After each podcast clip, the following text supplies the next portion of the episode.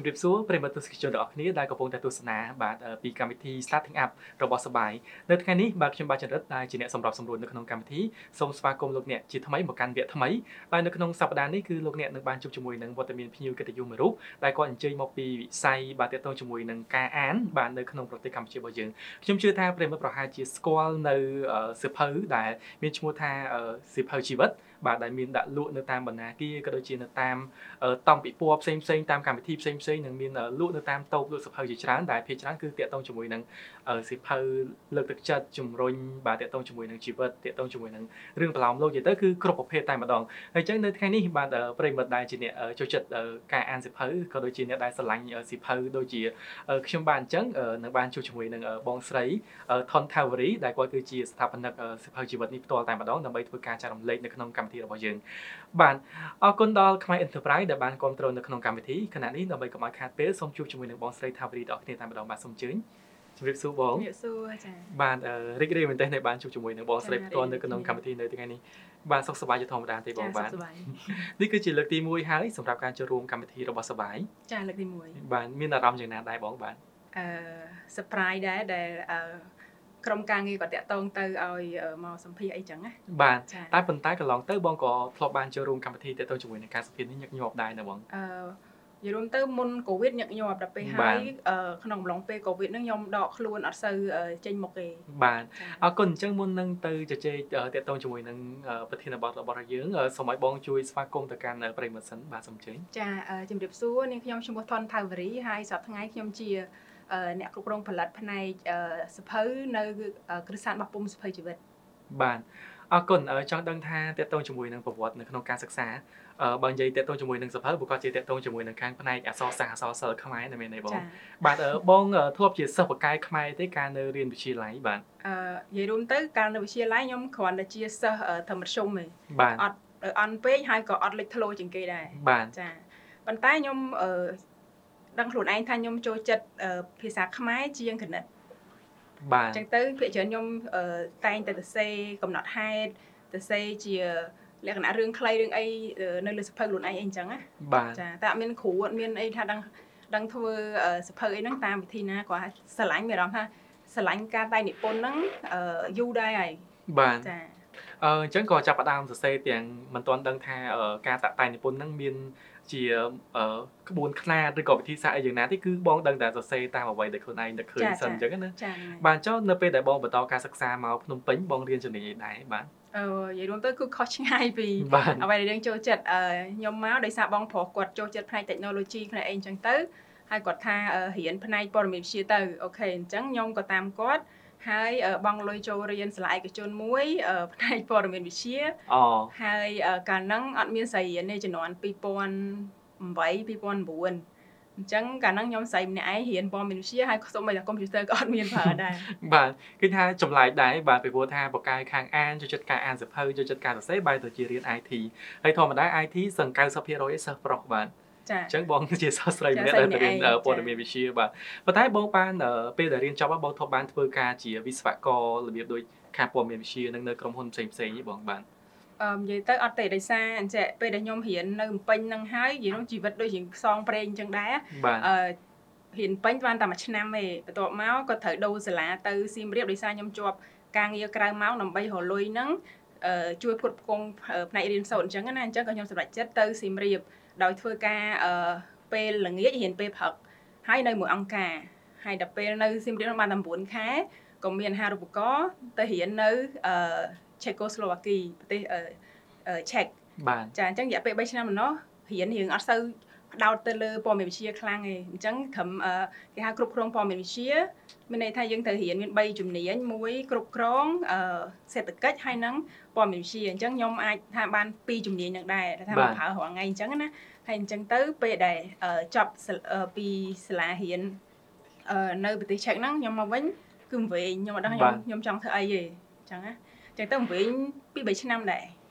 ក្នុងអំឡុងពេលដែលបងមិនទាន់ដឹងថាខ្លួនឯងត្រូវធ្វើអ្វីពេលដែលត្រឡប់មកពីប្រទេសឆេកហ្នឹងវិញតើបងពេលហ្នឹងបងធ្វើអីដែរបាទជីវិតរបស់បងពេលហ្នឹងដែលថាផ្សងព្រេងហ្នឹងបាទដូចចង់ខ្លាចបាក់ទឹកចិត្តអីអញ្ចឹងមិនទេដោយសារអឺយើងអត់ដឹងច្បាស់ថាខ្លួនឯងចង់ធ្វើអីហើយ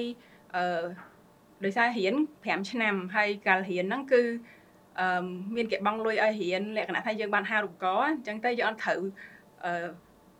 ខំរកលុយរកអីអីអញ្ចឹងលុយលក្ខណៈផលទៅលើអា comfort zone ហើយដល់ពេលមកស្រុកខ្មែរវិញ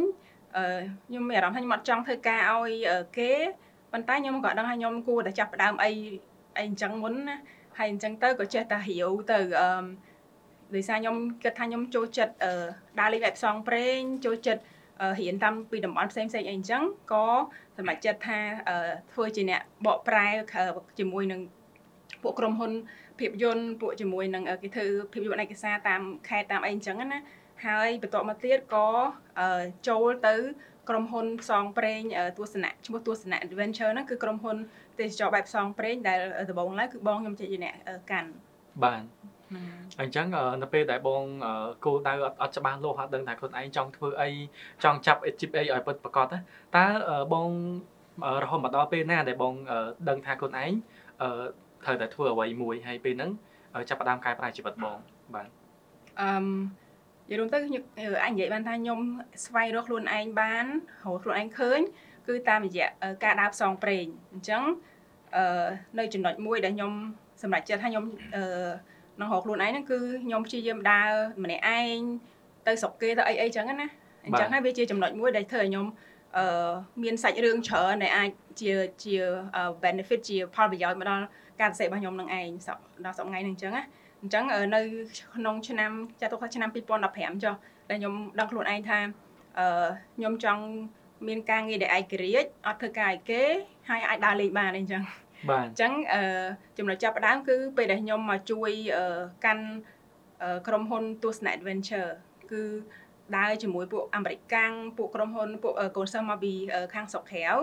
ប៉ុន្តែគេមករៀនពីវប្បធម៌ខ្មែរយើងធ្វើផ្ទះស្នាក់ផ្ទះអីអញ្ចឹងអញ្ចឹងខ្ញុំជាអ្នករៀប tour បែប adventure នឹងបែបផ្សងព្រេងហើយក៏រៀននឹងគេហៅគេហៅ experiential learning បាទអឺមុននឹងបងបាននិយាយតាក់ទងជាមួយនឹងការបាក់ទឹកចិត្តពេលដែលបងត្រឡប់មកពីការសិក្សានៅក្រៅប្រទេសវិញអឺបាក់ទឹកចិត្តហ្នឹងបងបាក់ទឹកចិត្តរបៀបម៉េចហើយពេលហ្នឹងបងជួយខ្លួនឯងយ៉ាងណាដែរព្រោះថានៅការបាក់ទឹកចិត្តគឺវានឹងធ្វើឲ្យយើងដូចថាលេងស្រឡាញ់ខ្លួនឯងគាត់ថាខ្លួនឯង ធ្វើអីអត់បានអញ្ចឹងទៅហើយពេលហ្នឹងបងជួយខ្លួនឯងដោយដោយវិធីណាដែរបាទអឺយល់មិនមែនដោយសារបាត់ទឹកចិត្តគឺដោយសារតែថាយើងអត់ច្បាស់ខ្លួនឯងថាតើយើងគួរតែបន្តអឺ career របស់យើងហ្នឹងយ៉ាងម៉េចទៀតហើយយើងត្រូវអឺលក្ខណៈថាអងរៀនចប់ពីស្រុកគេមកដែរប៉ុន្តែអត់ដឹងធ្វើអីអីអញ្ចឹងណាហើយក៏អឺលក្ខណៈទៅធ្វើការឲ្យគេអឺអត់បានមកទេក៏ខ្ញុំឆ្លោះជាមួយតកែអីអញ្ចឹងទៅហើយ លក្ខណៈថាគេត្រួតពីលើទៅអីអញ្ចឹងណាជាចំណុចមួយដែលខ្ញុំប្រាប់ខ្លួនឯងថាខ្ញុំអត់ចង់ធ្វើការឲ្យគេហើយបើសិនជាខ្ញុំអឺអាចមានក្រុមហ៊ុនខ្លួនឯងថ្ងៃណាមួយក៏ខ្ញុំអត់អត់ចង់ជាប្រភេទក្រុមហ៊ុនដែលដូចផ្ដាច់ការគឺអំណាចទៅលើតែមនុស្សម្នាក់អញ្ចឹងអឺអាចនិយាយបានថាអឺត្រឡប់មកវិញគឺជួយខ្លួនឯងបាន ពេលដែលខ្ញុំចាប់ផ្ដើមដើរផ្សងព្រេងគឺខ្ញុំស្គាល់ខ្លួនឯងកាន់តែច្បាស់ថា ខ្ញុំចូលចិត្តធ្វើអីហើយខ្ញុំបកកែអីគេ បាទចាបាទអញ្ចឹងមានន័យថានៅពេលដែលយើងជួបបញ្ហាបាក់ទឹកចិត្តយើងមិនត្រូវតែសង្ងំនៅក្នុងផ្ទះបាទយើងមិនត្រូវតែគិតថាខ្លួនឯងបាត់បង់អ្វីគ្រប់យ៉ាងនោះទេបាទគាត់ថាពេលហ្នឹងយើងអាចនឹងថាយើងពិបាកចិត្តមួយគ្រាតែប៉ុណ្ណោះបាទហើយអញ្ចឹងបងក៏ចាប់ផ្ដើមធ្វើសកម្មភាពការងារអីផ្សេងផ្សេងវិញទៅរហូតតលតែរកឃើញខ្លួនឯងបាទថាខ្លួនឯងបាទជានរណាហើយយើងចង់ធ្វើអីទៅថ្ងៃក្រោយបាទអញ្ចឹងនៅពេលដែលយើងចេញក្រៅបាទចាហើយមួយទៀតជំនាន់ហ្នឹងគឺដោយសារតែមានមនុស្ស គាត់គ្រប់គ្រងមនុស្សចិត្តស្និទ្ធដែលគាត់ហ្នឹងហើយស្រឡាញ់គ្រប់គ្រងអីអញ្ចឹងណាអញ្ចឹងគឺក៏គាត់បានបោះបង់ពួកខ្ញុំបោះបង់ពួកខ្ញុំខ្ញុំឯងបាទបាទហ្នឹងហើយអឺឃើញថាគាត់មកដល់បច្ចុប្បន្ននេះតេតតងជាមួយនឹងសិភៅជីវិតបងចាប់ផ្ដើមប្រហែលឆ្នាំហើយបាទអឺបើនិយាយសិភៅជីវិតតើនិយាយបកក្រោយបន្តិចដោយសារអឺបន្ទាប់ពីខ្ញុំអឺលក្ខណៈថាទេសចរបែបផ្សងព្រេងហ្នឹងហើយហើយអស់ចឹងទៅ ក៏ខ្ញុំធ្វើការមួយក្រុមអាមេរិកកាំងហើយខ្ញុំដឹងថាខ្លួនឯងស្រឡាញ់ការទៅសេចាប់ដើមពេលដែលខ្ញុំដើរលេងគឺខ្ញុំចាប់ដើមសេ blog សេអីចឹងអញ្ចឹងអឺអាការស្រឡាញ់ការអានស្រឡាញ់ការទៅសេហ្នឹងគឺកាន់តែខ្លាំងទៅខ្លាំងទៅអញ្ចឹងគឺនៅក្នុងចន្លោះឆ្នាំ2016អឺខ្ញុំចាប់ផ្ដើមទៅសេសភៅនារីប្របីប៉ុន្តែជាភាសាអង់គ្លេសបាទធ្លាប់ធ្លាប់ឮសភៅហ្នឹងបាទចាចាបាទហ្នឹងហើយហើយអញ្ចឹងទៅគឺខ្ញុំចំណាយពេល7មួយឆ្នាំក្នុងការធ្វើសភៅហ្នឹងហើយអឺ ការជំនាន់ហ្នឹងវិស័យអំណានយើងអត់ទាន់ផុសផុលទេអអញ្ចឹងអឺខ្ញុំមានអារម្មណ៍ថាកាលហ្នឹងខ្ញុំបថុយបន្ថានដែរដោយសារអឺខ្ញុំអត់ច្បាស់ថាតើពេលដែលខ្ញុំបោះពុំសភៅហ្នឹងទៅហើយណាមួយបោះពុំនៅស្រុកខ្មែរហើយវាជាភាសាអង់គ្លេសទៀតខ្ញុំអត់ដឹងថានឹងលក់ដាច់អត់ហើយអឺខ្ញុំអត់ដឹងថាទៅរកគ្រឹះស្ថានបោះពុំណាឲ្យជួយបោះពុំឬក៏អឺរករោងពុំយ៉ាងម៉េចយ៉ាងម៉ាអីអញ្ចឹងណាគឺខ្ញុំត្រូវបថុយបន្ថានយកលុយដែលខ្ញុំសន្សំបានពេលដែលខ្ញុំអឺធ្វើការហ្នឹង យកមកបោះខ្លួនឯងអញ្ចឹង self publishing ហ្នឹងគឺការសរសេរឲ្យបោះពុំខ្លួនឯងហ្នឹងមានរយៈពេល7-2ឆ្នាំដែររហូតដល់ចុងឆ្នាំ2018ឬក៏ដើមឆ្នាំ2019បានចាប់ផ្ដើមជាសភៅជីវិតហ្នឹងបាទដែលមានចំណងជើងថាអឺអឺអឺគ្គ្រីស្តានបោះពុំឈ្មោះសភៅជីវិតហ្នឹងហ្មងបាទបាទអូអូប៉ុន្តែសភៅដែលបងសរសេរដំបូងគេនារីប្របីនារីប្រពៃដែលបោះពុំដោយគ្រឹះស្ថានអត់ទេខ្លួនឯងអូអូខ្ញុំធ្វើខ្លួនឯងសិនទេបាទបាទដល់ពេលខ្ញុំធ្វើខ្លួនឯងអញ្ចឹងទៅក៏ឃើញថាអូខេមានគេគ្រប់គ្រងតាមមិនអត់ណាអញ្ចឹងបាទណា ហើយដល់ពេលខ្ញុំធ្វើជាអង់គ្លេសទៅក៏មានអឺការគ្រប់គ្រងពីអឺខាងអន្តរជាតិដោយសារខ្ញុំបានដាក់នៅលើ Amazon ដាក់អីចឹងណាបាទចាអញ្ចឹងទៅក៏គេស្នើសុំថាអឺដើម្បីឲ្យសភៅហ្នឹងអឺកាន់តែបានមនុស្សអានច្រើនអញ្ចឹងគួរតែធ្វើជាភាសាខ្មែរអញ្ចឹងទៅបាទអឺក្មេងស្រីៗនៅតាមជនបទអីអញ្ចឹងគាត់អាចអានបានអញ្ចឹងដោយសារជាភាសាជាតិយើងណាបាទអញ្ចឹងទៅអឺ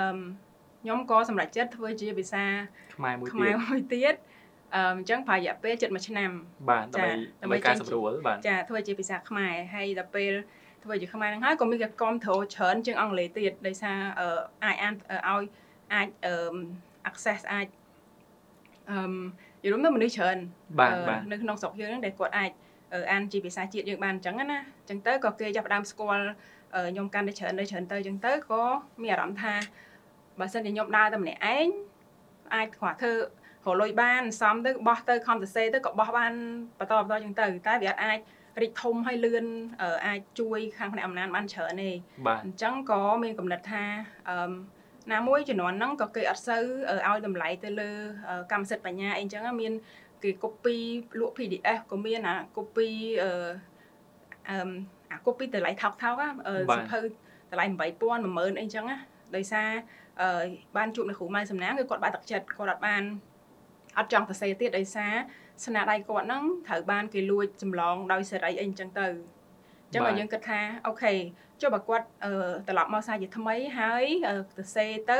ហើយយើងជាអ្នករ៉ាប់រងទាំងអស់បោះពុំទីផ្សាយទាំងអស់លើយើងអញ្ចឹងទៅបាទហើយគាត់នៅតែមានកម្មសិទ្ធិនៅលើអឺសភៅរបស់គាត់ដដែលអញ្ចឹងណាបាទអញ្ចឹងយើងមានកំណត់ហ្នឹងហើយអឺខ្ញុំជាមួយក្រុមការងារក៏អឺចង់ចាប់ផ្ដើមជាគ្រឹះស្ថានមួយប៉ុន្តែ កាលនោះខ្ញុំអត់ទាន់មានលុយច្រើនទេបាទគាត់អឺលុយបានពីលក់សភៅចាគាត់បានលុយសភៅចាយខ្លួនឯងអីបាទចឹងណាដោយសារកន្លះអឺពេលហ្នឹងគឺខ្ញុំអត់បានអត់មានការងារពេញម៉ោងទេទេគឺជិះឈប់ធ្វើការហ្មងបាចាទចាហ្នឹងហើយអញ្ចឹងទៅក៏មានកំណត់ថាអូខេអញ្ចឹងត្រូវធ្វើ pitching មួយដើម្បីរកអឺ Fund fund បាទចាអញ្ចឹងក៏ទៅខាង small world small world adventure អឺ small venture ហ្នឹងអឺ pitch ទៅក៏គាត់អឺឲ្យ funding ដើម្បីអឺចាប់ផ្ដើមសភៅជីវិតហ្នឹងឯងអូចាបាទនិយាយទៅដំណើរការវែងឆ្ងាយដែរចាបានទៅពេលដែលក្រោយសភៅនារីប្រពៃទទួលបាននូវការជោគជ័យហើយទើបកើតគ្រឹះស្ថានបោះពុំចាសភៅដើមអឺអឺដើមជីវិតនេះចាចាបាទបាទកើតឡើងអឺមកសភៅជីវិតសភៅជីវិតអូ sorry បាទច្រឡំទៅគ្រឹះស្ថានមួយទៀតចាបាទចាបាទហ្នឹងហើយអូខេ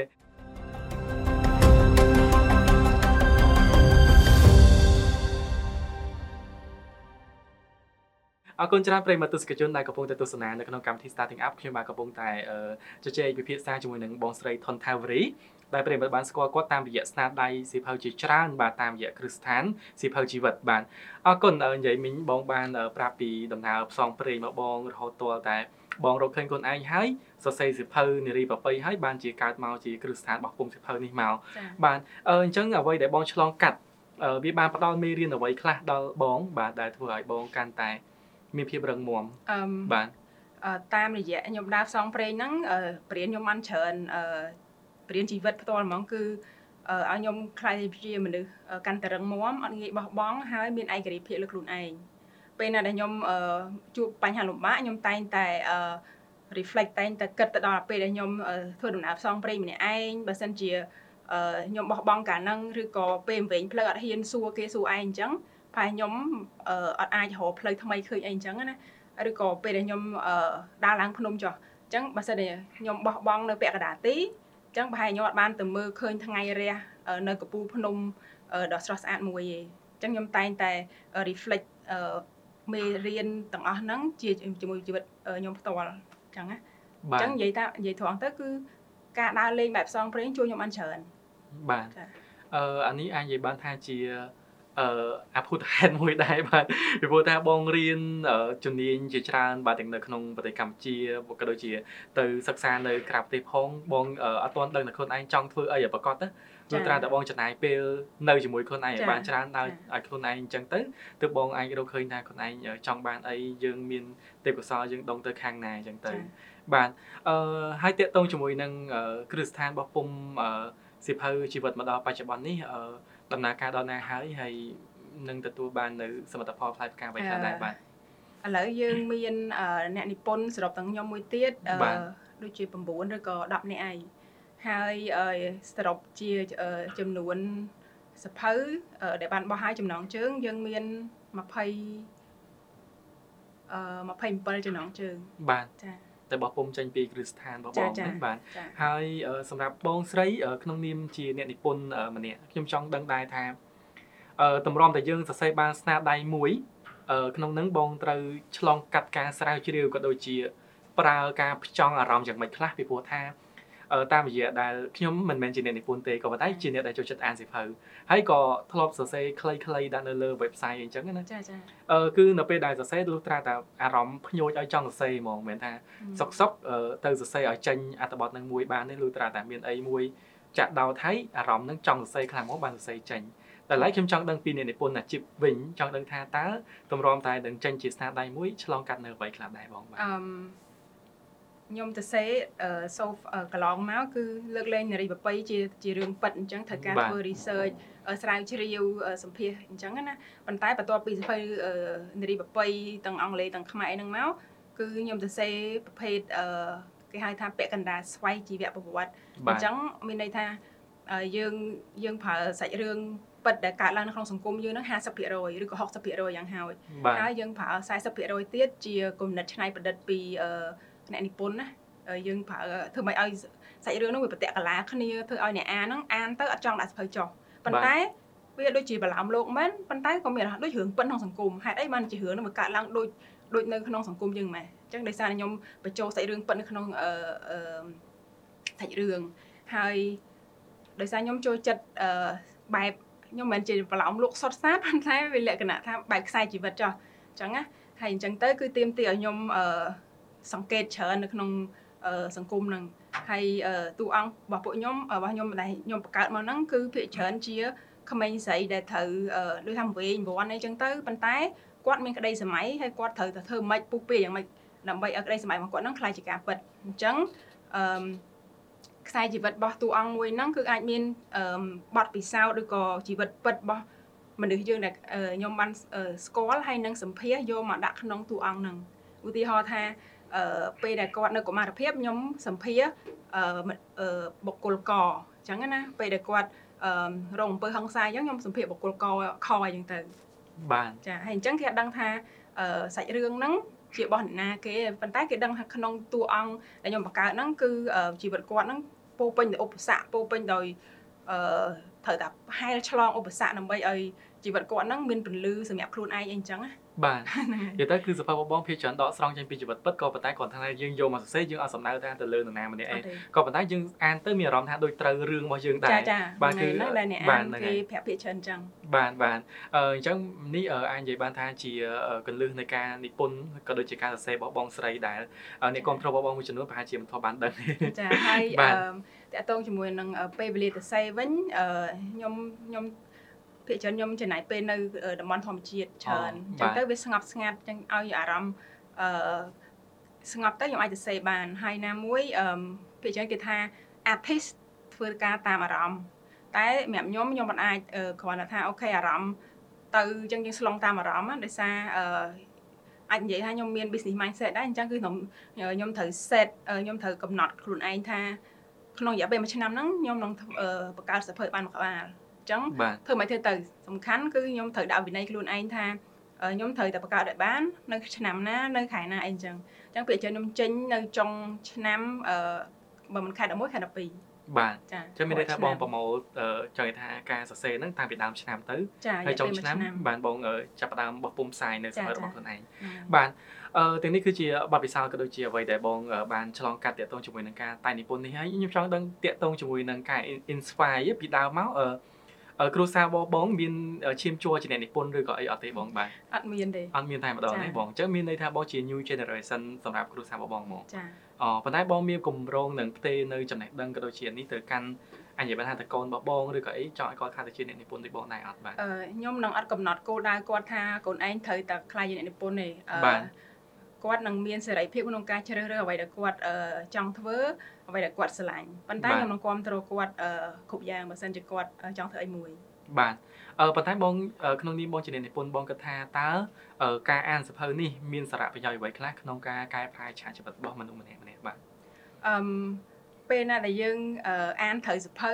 ហើយអឺយើងមានអារម្មណ៍ថាតួអង្គហ្នឹងដូចតួអង្គដូចដូចជាខ្លាចជីវិតរបស់ខ្លួនយើងចាចាបាទអញ្ចឹងទៅ អឺថាមិនត្រូវជីវិតអឺសភៅមួយក្បាលហ្នឹងអាចផ្លាស់ប្ដូរជីវិតយើងបានដោយយើងអាចយកតួអង្គនៅក្នុងអឺសាច់រឿងហ្នឹងជាអឺគេហៅអឺនិមិត្តរូបពេលណាដែលយើងអឺមានអារម្មណ៍ថាចង់បោះបង់យើងសម្លឹងទៅអឺតួអង្គមួយហ្នឹងគេអត់បានក្នុងសាច់រឿងហ្នឹងអត់បានបោះបង់ទេប៉ុន្តែអឺហេតុអីបានជាយើងក្នុងជីវិតពិតងាយបោះបង់ដែរចឹងណាអញ្ចឹងផ្នែកមួយគឺអឺអាចជាហៅថាជា inspiration អឺអឺជាអ្នក លើកទឹកចិត្តគ្រប់គ្រងយើងក៏បានដែរបើសិនជាយើងអឺអានសភៅដែលត្រូវជាមួយនឹងកលៈទេសៈយើងសប្ងៃអឺបច្ចុប្បន្នហ្នឹងអីចឹងណាបាទ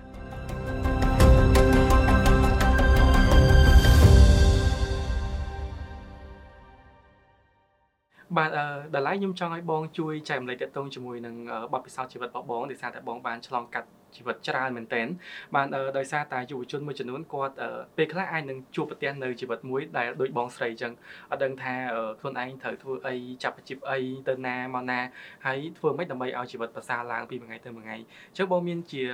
កលឹះក៏ដូចជាបទពិសោធន៍អ្វីដែលចង់ចែករំលែកទៅកាន់ពួកគាត់បាទអឺខ្ញុំគិតថាគាត់ពួកគាត់គួរតែចំណាយពេលជាមួយខ្លួនឯងឲ្យបានច្រើនហើយហ៊ានសួរសំណួរអឺចាក់ដោតទៅខ្លួនឯងទាំងអឺពេលខ្លះយើងខ្លាចនឹងអឺ ឆ្លើយនៅសំណួរហ្នឹងអឺសម្រាប់ខ្លួនឯងហើយអឺមជាពិសេសការរាប់អានមិត្តភ័ក្តិអឺតើមិត្តភ័ក្តិប្រភេទណាដែលពួកគាត់នឹងកំពុងរាប់អានអឺមសម្រាប់ខ្ញុំវិញគឺខ្ញុំចំណាយពេលទៅជាមួយនឹងអឺមនុស្សមួយក្រុមតូចទេអត់ខ្ញុំអឺអត់សូវមាននិយាយរួមទៅអឺរង្វង់មិត្តភាពរបស់ខ្ញុំកាន់តែទូចទៅទៅទូចទៅពេលដែលអាយុយើងកាន់តែច្រើនទៅច្រើនទៅអញ្ចឹងណាចាំពួកឯងយើងខ្ជិលពយល់ច្រើនហេតុអីបានយើងមនុស្សអញ្ចេះមនុស្សអញ្ចោះអីចឹងទៅអឺអញ្ចឹងអឺ ការចំណាយពេលជាមួយនឹងក្រុមមនុស្សក៏សំខាន់ដែរហើយយើងអាចខ្លាយទៅជាអឺមនុស្សដែលជោគជ័យអាចខ្លាយទៅជាអ្នកអឺចង់រស់ស៊ីបើសិនជាយើងចំណាយពេលជាមួយនឹងអឺជនដែលអឺគេហៅជំនាញខាងរស់ស៊ីអីអញ្ចឹងណាហ្នឹងហើយអញ្ចឹងអឺមអាហ្នឹងក៏សំខាន់ពេលដែលអឺក្រុមមនុស្សអឺនៅជុំវិញខ្លួនគាត់ហ្នឹងជាអ្នកគ្រប់គ្រងជាជាងអ្នកដែលអឺសំអឺនិយាយជន់ពន្លិចអឺធ្វើឲ្យគាត់បាក់ទឹកចិត្ត បាទចាអញ្ចឹងអានេះវាទាក់ទងជាមួយនឹងអឺការសេពគប់មនុស្សដែរបាទចាបាទហើយមានអីអឺបន្ថែមទៀតទេបងនិយាយថាអឺនៅពេលដែលគាត់អឺជួបរឿងអឺបាក់ទឹកចិត្តដូចបងហើយគាត់អឺអត់ចង់ចំណាយពេលជាមួយនឹងអាការខូចចិត្តតូចចិត្តនឹងយូរពេកទេអញ្ចឹងគាត់គួរតែធ្វើអីដើម្បី move on បន្តទៅមុខទៀតបាទហើយអឺបើសិនជាគាត់នៅក្នុងស្ថានភាពហ្នឹងក៏កុំគួរតែនៅក្នុងបន្ទប់អង្កឹតអឺលក្ខណៈនៅជាមួយនៅនៅតែ ក្នុងបន្ទប់ទូចមួយជាមួយខ្លួនឯងអញ្ចឹងណាធ្វើឲ្យយើងកាន់តែមានអារម្មណ៍ថាស្លងទៅយូរទៅយូរទៅមានអារម្មណ៍ថាអឺពិភពលោកកាន់តែខ្មៅអង្កឹតសម្រាប់គាត់ហើយអឺមជ្ឈដ្ឋានមួយទៀតគឺអឺគ្រួសារផ្ទាល់អឺគ្រួសារដើរតួសំខាន់ក្នុងការអឺអឺគូសវាសឬក៏លក្ខណៈជាអ្នកជួយជំរុញនៅពីក្រោយអឺភាពជោគជ័យរបស់អឺបុគ្គលម្នាក់ហ្នឹងជាក់ស្ដែងខ្ញុំផ្ទាល់បើសិនជាខ្ញុំអត់មានអឺ គ្រួសារឬក៏បងប្អូនដែលគាត់អឺគ្រប់គ្រងខ្ញុំពេញទំហឹងហើយក៏ខ្ញុំអត់មានថ្ងៃនេះដែរបាទអឺដល់ហើយសម្រាប់អឺការដែលបងអឺជំរុញក៏ដូចជាអឺដើរនៅលើជីវិតរបស់បងហ្នឹងបងតែងតែឈរនៅលើគោលការណ៍អ្វីដែលថាទោះបីជាជួបរឿងអីក៏បងនៅតែអត់បោះបង់បាទអឺមខ្ញុំមាននិមិត្តរូបមួយអឺគាត់ជនជាតិអាមេរិកកាំងហើយអឺកាលហ្នឹងខ្ញុំនៅយូរ18 19ឆ្នាំដែលខ្ញុំធ្វើការនៅអង្គការស៊ីមរៀបណា អញ្ចឹងអឺប្រយោគដែលខ្លីបំផុតអឺផ្លាស់ប្ដូរជីវិតខ្ញុំហ្នឹងគឺគាត់តែងតែប្រាប់ខ្ញុំថា you can do it and you are amazing តែប៉ុណ្្នឹងឯងបាទអញ្ចឹងធ្វើឲ្យខ្ញុំមានអារម្មណ៍ថាចឹងខ្ញុំជាមនុស្សអស្ចារ្យមែនដែលគាត់តែងតែប្រាប់ខ្ញុំថាស្អីខ្ញុំអាចធ្វើបានដែរហើយខ្ញុំជាមនុស្សដែលអូអស្ចារ្យណោះដែលដែលខ្ញុំអត់និយាយខ្ញុំអត់ទាន់មានជោគជ័យទាំងអស់ប៉ុន្តែគាត់តែងតែប្រាប់ខ្ញុំរហូតអញ្ចឹងអាគំនិតដែលអឺដាក់អាភាពអឺវិជ្ជមាននៅក្នុងខ្លួនរបស់ខ្ញុំផ្ទាល់ហ្នឹងធ្វើឲ្យខ្ញុំអឺ ជឿជាក់លើខ្លួនឯងថាខ្ញុំអាចធ្វើបានហើយអឺបើសិនជាមានឧបសគ្គអីមួយខ្ញុំគិតថាក្តីសម័យហើយនិងភាពជឿជាក់របស់ខ្ញុំហ្នឹងធំជាងឧបសគ្គហ្នឹងទៀតអញ្ចឹងហើយបានខ្ញុំអឺត្រូវតែបោះបង់វាឥឡូវហ្នឹងពួកខ្ញុំអាចធ្វើបានហ្នឹងអញ្ចឹងណាបាទអឺសំខាន់បំផុតគឺយើង កុំតន់អាគិតឧបសគ្គនៅខាងមុខបាទចា៎យើងគិតរឿងវិជ្ជមានសិននៅពេលណាចា៎ពេលណាដែលយើងគិតរឿងវិជ្ជមានអ្វីក៏វាអាចទៅមុខបានដែរតែនៅពេលដែលយើងអត់ចាប់ផ្ដើមធ្វើអីមួយហើយយើងគិតឧបសគ្គយើងគិតបញ្ហានៅខាងមុខបាត់ហើយធ្វើឲ្យយើងទីយើងថយក្រោយបាទទីយើងថយក្រោយបាត់ហើយប៉ុន្តែនៅពេលដែលយើងគិតថាយើងធ្វើបានអឺនៅពេលដែលយើងប្រើពាក្យហ្នឹងទោះបីជាជួបឧបសគ្គអីក៏យើងត្រូវតែដោះស្រាយវាដើម្បីបន្តទៅមុខទៀតចា៎បាទហ្នឹងហើយអឺហើយដល់ឡែកតកតងជាមួយនឹងអឺអាជីពរបស់បងអឺនៅពេលអឺបច្ចុប្បន្ននេះបងគិតថា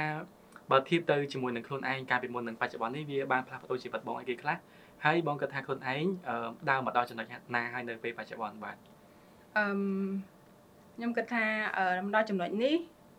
ខ្ញុំអាចដេកលក់ស្រួលពេលយប់អឺពេលដែលខ្ញុំអឺងើបឡើងខ្ញុំមានអារម្មណ៍សប្បាយចិត្តខ្ញុំមានអឺហៅថាសន្តិភាពផ្លូវចិត្តណាព្រោះអីពេលដែលអឺខ្ញុំអានសារពីមិត្តអ្នកអានគាត់ថា ពេលដែលគាត់អានសភៅរបស់ខ្ញុំឬក៏អឺសភៅអឺដែលគាត់ទិញពីខាងសភៅជីវិតអីចឹងទៅធ្វើឲ្យអឺគាត់នឹងមានលក្ខណៈថាភាពរឹងមាំជាងមុនធ្វើឲ្យគាត់អឺអត់អត់អឺចង់បោះបង់ក្តីសម័យរបស់គាត់អីចឹងណាហើយអឺមួយទៀតគឺគាត់សួរថាពេលណាខ្ញុំចេញសភៅថ្មីអញ្ចឹងទៅដោយសារតែការគ្រប់គ្រងរបស់ពួកគាត់អញ្ចឹងធ្វើឲ្យខ្ញុំមានកម្លាំងអឺចិត្តក្នុងការបន្តទៅសេហើយខ្ញុំមានអារម្មណ៍ថាខ្ញុំកំពុងតែរស់នៅក្នុងក្តីសម័យដែលខ្ញុំមានតាំងពីក្មេង បាទអញ្ចឹងអាចបានថាអានេះវាជាសន្តិភាពអឺផ្នែកផ្លូវចិត្តរបស់បងណាបាទចា៎អឺព្រោះថាអឺ គ្មានអីដែលសំខាន់ជាងយប់ឡើងគេងលក់ស្រួលចា៎បាទត្រូវអីបងចា៎បាទព្រោះថាអឺនៅពេលដែលយប់ឡើងយើងគេងដោយបញ្ហាជុំវិញបាទអឺរុំជំពាក់បាទមិនថាតែបញ្ហារឿងអីទេតែយប់ឡើងយើងដូចថាយើងគេងអត់ស្កប់ស្កល់យើងមានរឿងមន្ទិលច្រើនយើងខ្វល់ខ្វាយច្រើនដោយសារតែអីមួយអាហ្នឹងក៏ខ្ញុំគិតថា depression ហ្នឹងហើយហ្នឹងហើយប៉ុន្តែនៅពេលដែលយប់ឡើងយើងគេងលក់ស្រួលយើងមានស្នាមញញឹមហើយយើងដឹងថាអូស្អែកខ្ញុំត្រូវធ្វើអីទៀតអាហ្នឹងអាចនិយាយបានថាជាជីវិតមួយដែលអឺក៏ប្រសើរហើយហើយអឺក៏ជាភាពជោគជ័យរបស់យើងដែរចា៎បាទ អរគុណហើយអឺតែសម្រាប់បងបងវិញអឺអឺព្រោះថាពេលខ្លះពេលខ្លះគាត់កំណត់និយមន័យភាពជោគជ័យគឺសំដៅទៅលើតើតែគាត់មានអ្វីគ្រប់បែបយ៉ាងបាទប៉ុន្តែបងវិញអឺកំណត់និយមន័យនៃភាពជោគជ័យនេះអឺដោយរបៀបណាដែរបាទអឺខ្ញុំគិតថាអឺខ្ញុំជោគជ័យនៅពេលនេះព្រោះអីខ្ញុំមានអឺខ្ញុំអាចដើរតាមក្តីសម័យខ្លួនឯងខ្ញុំអត់មានសម្ពាធអឺផ្លូវចិត្តហើយខ្ញុំអាច មានឱកាសគ្រប់គ្រាន់ក្នុងការចំណាយពេលជាមួយនឹងមនុស្សជាទីស្រឡាញ់ជាមួយគ្រួសាររបស់ខ្ញុំហើយខ្ញុំអាចជ្រើសរើសជីវិតមួយដែលខ្ញុំអឺចង់រស់នៅគឺអឺការរស់នៅបែបជីវិតសាមញ្ញបាទព្រោះអីសប្តាហ៍ថ្ងៃខ្ញុំអត់មានអីទេខ្ញុំមានអឺខ្ញុំមានខ្ញុំជិះកង់អឺខ្ញុំពាក់អាវតជុះអឺនិយាយរួមខ្ញុំប្រើជីវិតដែលសាមញ្ញកាន់តែសាមញ្ញគឺអឺកាន់តែមានក្តីសុខបាទអឺសម្រាប់បងស្រីគាត់ថាអឺជីវិតរបស់យើង គួរតែអឺប្រជែងជាមួយនឹងជីវិតអ្នកដទៃអត់ដូចថាឥឡូវគេមានផ្ទះយើងត្រូវខំធ្វើផ្ទះដែរយើងគឺត្រូវមានអីអឺត្រូវមាននឹងដែរទៅតាមសង្គមហ្នឹងណាអញ្ចឹងបងគាត់ថាជីវិតបែបហ្នឹងហើយនឹងជីវិតដែលរស់នៅជាខ្លួនឯងសម្រាប់បងបងលើកទឹកចិត្តទៅមួយណាជាខ្ញុំងបាទអឺស៊ីសងលើមនុស្សនៅក្នុងសង្គមហើយបាទអឺតើការជាអត្តពលរបស់អឺមជ្ឈដ្ឋានរបស់គាត់ហ្នឹងបែបណាដោយសារហើយខ្ញុំខុសគេអឺខ្ញុំជ្រើសរើសជីវិតដែលមានអឺអឺសេរីភាពខាងផ្លូវចិត្តខ្ញុំអត់ចង់អឺ ចុងខែត្រូវតែមានអារម្មណ៍ចង់ដាច់ខ្យល់ណាអឺមានលុយគ្រប់ដើម្បីបង់គេអត់អីអញ្ចឹងណាខ្ញុំអត់ចង់មានជីវិតអញ្ចឹងទេអឺគេមានផ្ទះមានទៅព្រោះអីខ្ញុំក៏មានដបូលច្រកដែរតែខ្ញុំអឺនៅផ្ទះជួលក្រុមហ៊ុនក៏យើងជួលគេអឺជួលផ្ទះគេដើម្បីអឺរានក្រុមហ៊ុនអីអញ្ចឹងទៅប៉ុន្តែអឺអ្វីដែលវាវាស៊ីសងទៅលើអឺការឲ្យនិយមន័យរបស់ពួកអឺរបស់យើងខ្លួនឯងឯងតែសម្រាប់ខ្ញុំអឺខ្ញុំអត់ចង់រត់ដេញតាមអឺក្តីសុខខ្លាំងខ្លាយបាទ ដីសុខខ្លាំងខ្លាំងនេះបងចង់សំដៅទៅលើអីដែរបងទៅលើបាទសម្រាប់ខ្ញុំវិញអឺខ្ញុំតែងតែគិតថាគេហៅ fashion all អាអា new trends អីហ្នឹងវាចេញថ្មីរហូតយើងតាមវាអត់តាន់ទេអញ្ចឹងបាទអញ្ចឹងយើងដូចអឺនៅក្នុងអាំបងកណ្ដុលគេហៅស្អីគេអាកន្លែងកណ្ដុលរត់រហូតរត់បានឈប់ទេបាទត្រូវអត់អញ្ចឹងខ្ញុំអត់ចង់ខ្លាយទៅជាកណ្ដុលមួយហ្នឹងខ្ញុំចង់ខ្លាយទៅជាកណ្ដុលដែលមានសេរីភាពរស់នៅអឺតំបន់ធម្មជាតិរកចំណៃស៊ីដល់ខ្លួនឯងបាទ អរគុណអឺសារខ្លីៗប៉ុន្តែមានអត្ថន័យជ្រាលជ្រៅបាទអញ្ចឹងអឺប្រិយមិត្តដែលគាត់កំពុងស្ដាប់គឺគាត់អាចពិចារណាបានហើយដោយបងនិយាយអញ្ចឹងថាពេលខ្លះជីវិតរបស់យើងគឺវាខុសៗគ្នាទៅតាមការយល់ឃើញរបស់គាត់ជួនកាលអ្នកខ្លះគាត់ចូលចិត្តជីវិតបែបហ្នឹងគាត់ក៏មានសេចក្តីសុខបែបហ្នឹងដែរដូចថាគាត់អឺចង់មានអឺឡានទំនើបគាត់ចង់មានផ្ទះធំទំនំខ្ពស់ គាត់អឺខ្ចីលុយធនាគារអីទៅបងអញ្ចឹងគាត់ខំប្រឹងរកដើម្បីបងប៉ុន្តែអាហ្នឹងវាជាក្តីសុខរបស់គាត់ក៏យើងអត់អាចថាអាហ្នឹងវាជាបញ្ហារបស់គាត់ដែរបាទព្រោះវាជាអ្វីដែលគាត់ត្រូវការបាទខ្ញុំទៅសេក្នុងសភៅរីបបីខ្ញុំដាក់ថាជីវិតគឺជាជំរើសអញ្ចឹងមនុស្សម្នាក់ម្នាក់មានសិទ្ធិក្នុងការអឺជ្រើសរើសជីវិតដែលដែលគាត់ចង់រស់នៅសម្រាប់អឺជីវិតគាត់ផ្ទាល់អញ្ចឹងមិនមែនមានន័យថាខ្ញុំអឺជ្រើសរើសជីវិតសាមញ្ញខ្ញុំអឺជិះកង់ហើយខ្ញុំត្រូវតែទៀមទាឲ្យមនុស្សក្នុងពិភពលោកទាំងអស់ហ្នឹងធ្វើដូចខ្ញុំទេអញ្ចឹងគឺមានក្តីសុខរៀងខ្លួន គេឲ្យនិយមន័យក៏ផ្សេងគ្នាដែរបាទអាចប្រៀបធៀបក្តីសុខរបស់យើងជាមួយនឹងអ្នកដទៃអឺបានទេបាទអរគុណអឺដោយសារតែបងស្រីដែលជាអ្នកនិពន្ធអឺសិភៅដែលផលិតបាននៅស្នាដៃជាច្រើនមកហើយអឺបើសិនជាឥឡូវហ្នឹងប្រិយមិត្តដែលជាអ្នកគ្រប់គ្រងរបស់បងកំពុងតែអង្គុយទស្សនាកម្មវិធីនេះណាបងមានអីចង់និយាយទៅកាន់គាត់តាមរយៈស្នាដៃដែលបងផលិតឡើងទាំងអស់ហ្នឹងទេបងបាទអឺខ្ញុំអត់មានអីច្រើនទេក្រៅពីអរគុណពួកគាត់ដែលគាត់អឺតែងតែគ្រប់គ្រងហើយអឺផ្ញើសារមកលើកទឹកចិត្តខ្ញុំថាអឺនិ យាយរួមទៅការទៅសេអឺសារតបមកខ្ញុំគឺជាអឺកម្លាំងលើកទឹកចិត្តដើម្បីខ្ញុំបន្តទៅសេសៀវភៅថ្មីថ្មីៗដើម្បីឲ្យអឺគាត់អានបន្តទៀតចឹងណាអញ្ចឹងខ្ញុំអរគុណច្រើនអឺប្រិយមិត្តអ្នកអានទាំងអស់ដែលបានគ្រប់គ្រងសម្ដែងរបស់ខ្ញុំក៏ដូចជាអឺសៀវភៅជីវិតផងដែរ បាទអឺអរគុណបងអឺសម្រាប់ការចែករំចា៎លែកយ៉ាងក្បោះក្បាយបាទហើយនៅថ្ងៃនេះគឺអឺបានរៀនសូត្រពីជីវិតរបស់បងបានច្រើនមែនទែនបាទហើយអឺជាចុងក្រោយបងមានជាសារលើកទឹកចិត្តអ្វីខ្លះដល់អឺប្រិយមិត្តអ្នកអានក៏ដូចជាអ្នកដែលគ្រប់គ្រងបងកន្លងមកបាទអឺមចឹងអឺសម្រាប់ខ្ញុំខ្ញុំអត់មានអីច្រើនទេអឺគ្រាន់តែថាបើសិនជាយើងពិតជាស្រឡាញ់អ្វីមួយអឺយើងពិតជាចង់បានវាចឹងយើងក៏អត់គួរបោះបង់ឲ្យងាយងាយដែរអឺ យើងគួរតែអឺរិះរកវិធីគ្រប់យ៉ាងដើម្បីឲ្យអឺក្តីសម័យមួយហ្នឹងខ្លាយជាការពិតហើយអឺកុំគិតសម្ដីរិះគន់របស់អ្នកដតីច្រើនពេកព្រោះអីអឺកាន់តែគិតនិងកាន់តែធ្វើឲ្យយើងហ្នឹងដើរថយក្រោយអត់អាចដើរទៅកាន់ក្តីសម័យរបស់យើងបានទេបាទអរគុណច្រើនបងចា៎សម្រាប់ការអរគុជើណញចូលរួមអរគុណចែករំលែកបទពិសោធន៍ដ៏មានតម្លៃនៅថ្ងៃនេះបាទហើយអរគុណដល់ប្រិយមិត្តដែលបានទស្សនាតាមពីដើមរហូតដល់ចប់ខណៈនេះខ្ញុំបាទចន្ទរិទ្ធរួមជាមួយនឹងបងស្រីថាវរីសូមអរគុណនិងសូមជម្រាបលា